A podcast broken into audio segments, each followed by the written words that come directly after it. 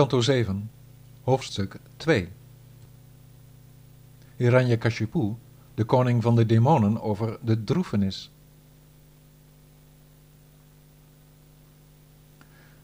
Sri Narada zei, nadat zijn broer Hiranyaksha, zoals gezegd, door de Heer in de gedaante van een everzwijn was gedood, werd Hiranyakashipu zeer verdrietig en kwaad, o koning.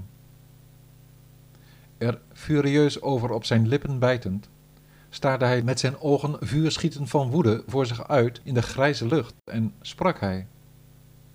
Hij, die er met zijn schrikwekkende tanden en verbeten blik vreselijk uitzag, hief te midden van een vergadering Danava's zijn drietand op en zei met een grimas het volgende.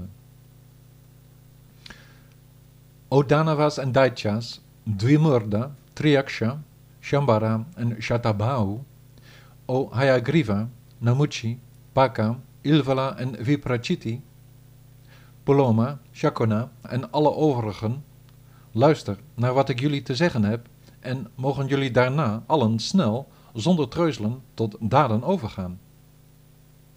Met die onbeduidende vijanden, de theïsten die van aanbidding zijn achter zijn rug samenspannend, werd mijn zozeer geliefde broer en begunstiger gedood door Hari, die ons allen gelijkgezind zou zijn.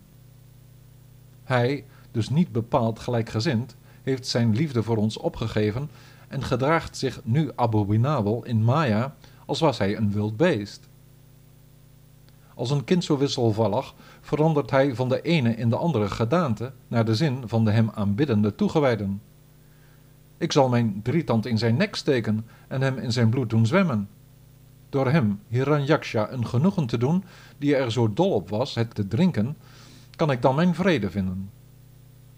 Als hij, Vishnu, die hoogst bedrieglijke vijand van allen, een kopje kleiner is gemaakt, zal het met die gasten van God die voor Vishnu leven ook afgelopen zijn, net zoals de takken en bladeren van een boom uitdrogen als die bij zijn wortels wordt gekapt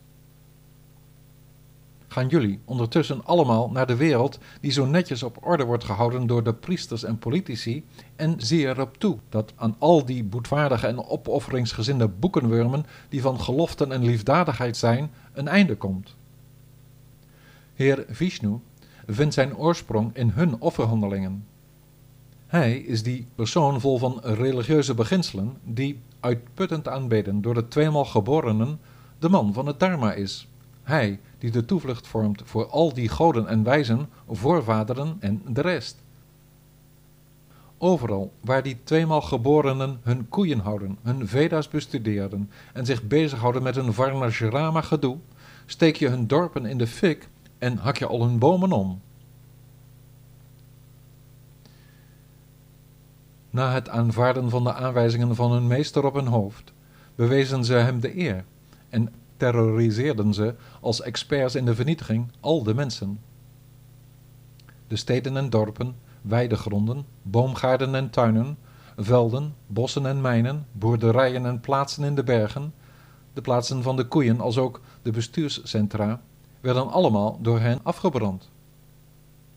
Sommigen zetten met toortsen de woonplaatsen in lichterlaaien, anderen vernielden met pikhouwelen de bruggen, de omringende muren en de stadspoorten, terwijl een andere groep bijlen oppakte om de vruchtbomen om te hakken, zodat het levensonderhoud vernietigd werd. Toen de mensen al dus keer op keer werden verstoord door de volgelingen van de koning van de Daitya's, gaven de godsbewusten hun vaste verblijfplaats op en trokken ze rond over heel de aarde, zodat ze niet meer zichtbaar waren voor de demonen. Hiranyakashipu, die te kampen had met het verlies van zijn broer, voerde de begrafenisriten uit en maande zijn neven tot kalmte. Shakuni, Shambara, Drishti, Bhuta Santapana, Vrika, Kalanaba, Mahanaba, Harishmashru en Utkacha, als ook hun moeder Rushabanu en Diti, zijn eigen moeder, sprak hij als een goed aangepast persoon in hoogst gepaste termen toe met het volgende, o heerser over de mensen. Hiranyakashipu zei, O moeder, o moeder, o schoonzus, o neven, jullie moeten niet treuren over onze held die, de vijand tegemoet tredend de glorie van de heldendood verkoos. Net als reizigers die zich verdringen rondom een pleisterplaats en dan weer hun weg vervolgen, o mijn lieve moeder, delen de levende wezens, die door het lot worden samengebracht in deze wereld, samen één plaats, waarna, naar gelang hun karma, hun wegen zich weer scheiden. De eeuwige, onuitputtelijke ziel, die vrij is van de smet van de materie, kan zich in alle richtingen begeven. Alles wetend en bovenzinnelijk van aard, aanvaardt die ziel het zelf van een lichaam dat onder de invloed van de materiële wereld een verscheidenheid aan kwaliteiten vertoont. Net zoals de bomen gereflecteerd in water zich lijken te bewegen, kan je ook met het bewegen van je hoofd de illusie hebben dat de wereld zich beweegt. Zo ook brengt de geest die men heeft, in de war gebracht door de kwaliteiten van de materie, het onveranderlijke levende wezen van streek, o moeder van mij, hetgeen ertoe leidt dat het levende wezen, ondanks zijn vormeloosheid, in een lichaamsvorm begint te geloven. De ziel, in de war over het vormeloze van zijn bestaan, heeft met het lichaam in gedachten dan geliefden en vijanden, bondgenoten en vreemdelingen in zijn karma met de materiële kwestie. Ervan uitgaand dat hij geboren wordt en doodgaat, beklaagt hij zich op verschillende manieren en heeft hij allerlei zorgen, verkeert hij in het ongewisse over wat de geschriften zeggen en is hij vergeetachtig wat betreft het juiste onderscheid. In dit verband haalt men vaak een oude geschiedenis aan van Yamaraj in discussie met de vrienden van een overledene. Luister goed. Er was er eens in Ushinara een befaamde koning Suyaknya genaamd, die door zijn vijanden tijdens een oorlog werd gedood. Zijn verwanten zaten om hem heen. Met zijn kostbare wapenrusting her en der verspreid en zijn sierselen en bloemenslingers op de grond gevallen, lag hij daar in zijn eigen bloed, doorboord met een pijl in zijn hart. Met zijn loshangende haar en zijn vertroebelde ogen had hij van woede doorbeten lippen, zat zijn lotusgezicht onder het stof en lagen zijn armen en wapens afgehakt op het slagveld. Toen de koninginnen zich ervan overtuigden dat de meester van Ushinara al dus door de voorzienigheid was getroffen, stonden hun ogen vol tranen en sloegen ze zich met hun handen onophoudelijk op de borst, neergevallen aan zijn voeten, herhaaldelijk jammerend: O echtgenoot! Hardop huilend over een dierbare man, bevochtigden ze zijn lotusvoeten met tranen die rood waren van het kumkum van hun borsten. Met hun sieraden en haar losgeraakt, weeklaagden ze voor ieder mens hartverscheurend, zielig treurend. Helaas bent u, o Heer van ons, o geliefde, door de genadeloze voorzienigheid aan ons zicht ontrokken. De staat en de bewoners van Ushinara voorzag u altijd in hun levensonderhoud. Maar nu het met u is afgelopen, bent u de oorzaak van een groeiend verdriet. U was voor ons allen zo'n dankbare echtgenoot, o koning. Hoe kunnen wij, die u allen volgen, nu zonder u leven? U, die onze beste vriend bent, zeg ons waarheen zij, die uw lotusvoeten dienden, u naartoe moeten volgen, nu u ons verlaten hebt. De koninginnen, die al dus weeklaagden, hadden de overleden echtgenoot op hun schoot genomen en wilden niet dat het lijk werd weggehaald. Ondertussen ging de zon onder in het westen. Yamaraj, die de nabestaanden van de heerser zo luidkeels hoorde weeklagen, verscheen toen persoonlijk in de gedaante van een jongen om hen toe te spreken. Sri Yamaraj zei: Ach, hoe kunnen jullie mensen, die ouder zijn dan ik en iedere dag van jullie leven getuigen waren van de heerschappij van de natuurwet, nu zo verbijsterd zijn? Jullie zullen zelf naar dezelfde natuur terugkeren als waar deze man naar terugkeerde. Niettemin zijn jullie zinloos aan het huilen. O, wat een geluk hebben we, want verlaten door onze vader en moeder werden we, zwak als we zijn, niet verzwolgen door de wolven. Waarom zou je je zorgen maken als je weet dat Hij, die ons in de moederschoot beschermde, ons ook daarna zal beschermen? Och, arme dames, de Allerhoogste Heer schept naar eigen wilsbesluit dit alles zonder zelf te veranderen, en het is Hij die daarnaast ook handhaaft en vernietigt. Alles wat beweegt en niet beweegt behoort, zo zegt men, tot het spel van de Heer, die te allen tijden het recht is voorbehouden iets of iemand te behouden, dan wel er een eind aan te maken. Iets wat je op straat verloor, kan, door het lot beschermd, behouden blijven, terwijl iets wat je in huis veilig stelde, voorbestemd kan zijn verloren te gaan. Zonder bescherming kan men onder zijn hoede in leven blijven, of men nu thuis is of in het woud. Maar hij hier, die viel in de strijd, heeft het, goed beschermd als hij was, niet overleefd. Levende wezens hebben hun eigen soort van geboorte overeenkomstig hun karma en verdwijnen na verloop van tijd ook weer als gevolg van dit eindige karma. Maar dit alles gaat niet op voor de ziel, ook al is die dan met zijn positie in de materiële wereld in uiteenlopende gedaanten gebonden aan haar verschillende basiskwaliteiten. De ziel is van een totaal andere aard. Dit lichaam van de persoon, dat met vuur, water en aarde uit onwetendheid werd geboren, veranderingen ondergaat en weer verdwijnt, bestaat net zo afzonderlijk van die ziel als de materie van een huis afzonderlijk bestaat van zijn bewoner. Het vuur en hout kan men afzonderlijk waarnemen, net zoals men de lucht in het lichaam en het tijdeffect van de alles doordringende ether, die zich met niets vermengt, afzonderlijk kan waarnemen. Zo ook kan men het levende wezen apart beschouwen als verheven boven zijn materiële omhulsel van begaan zijn met de basiskwaliteiten.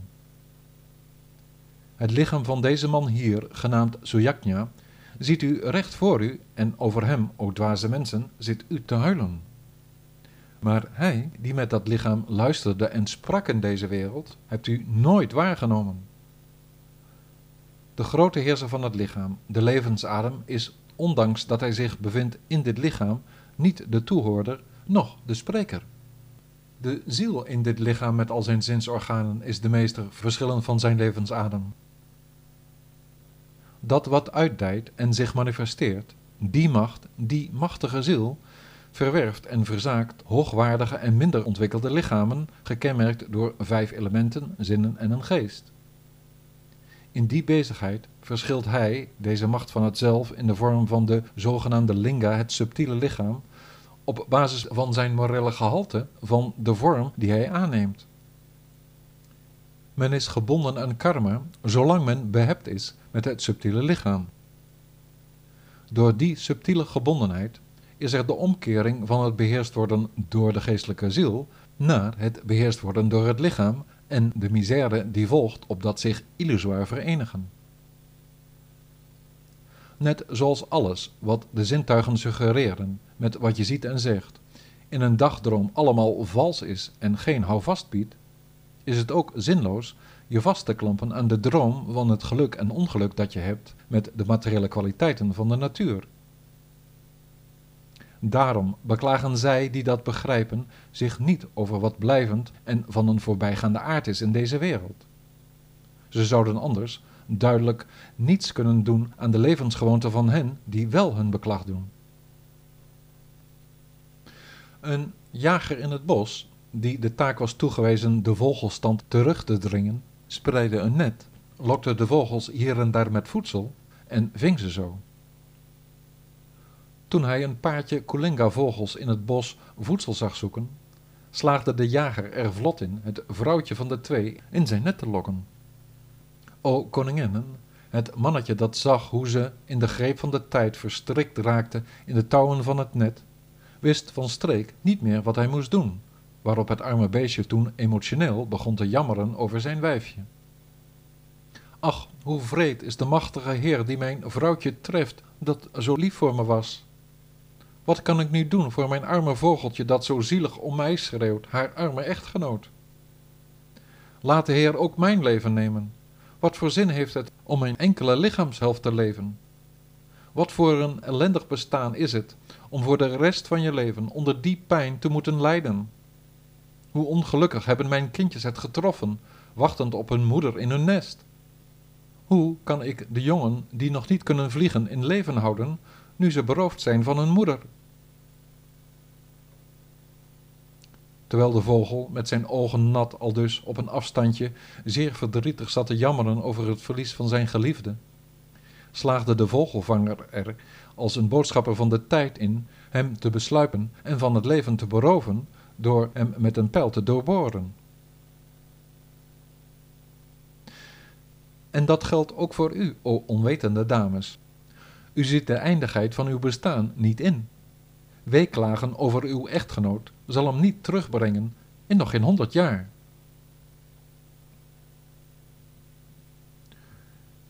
Sri Hiranyakashipu zei. Nadat de jongen al dus had gesproken, waren de harten van al de familieleden vol van verwondering. Ze begrepen dat al het materiële slechts een tijdelijke, gebrekkige verschijning was. Toen Yamaraj in deze gedaante uitleg had verschaft, verdween hij vandaar. De verwanten van koning Sujaknya vervulden toen de plichten voor de begrafenis. Treur daarom niet over uzelf of over een ander in deze materiële wereld. Men is slechts uit onwetendheid geobsedeerd door dat mijn en dijn van het eigen belang en het belang van andere belichaamde zielen. Want wie is dat nu eigenlijk, die ziel van u en van de ander?